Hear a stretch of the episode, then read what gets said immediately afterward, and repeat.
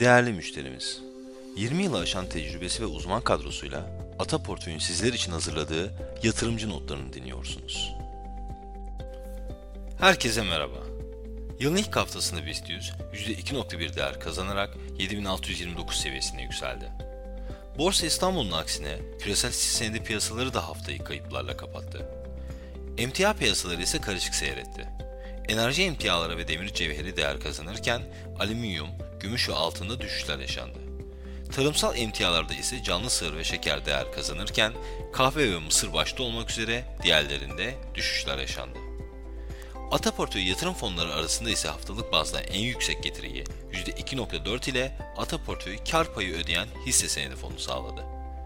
Türkiye kredi temerrüt takası tekrar 300 bas puan seviyelerin üzerine çıktı.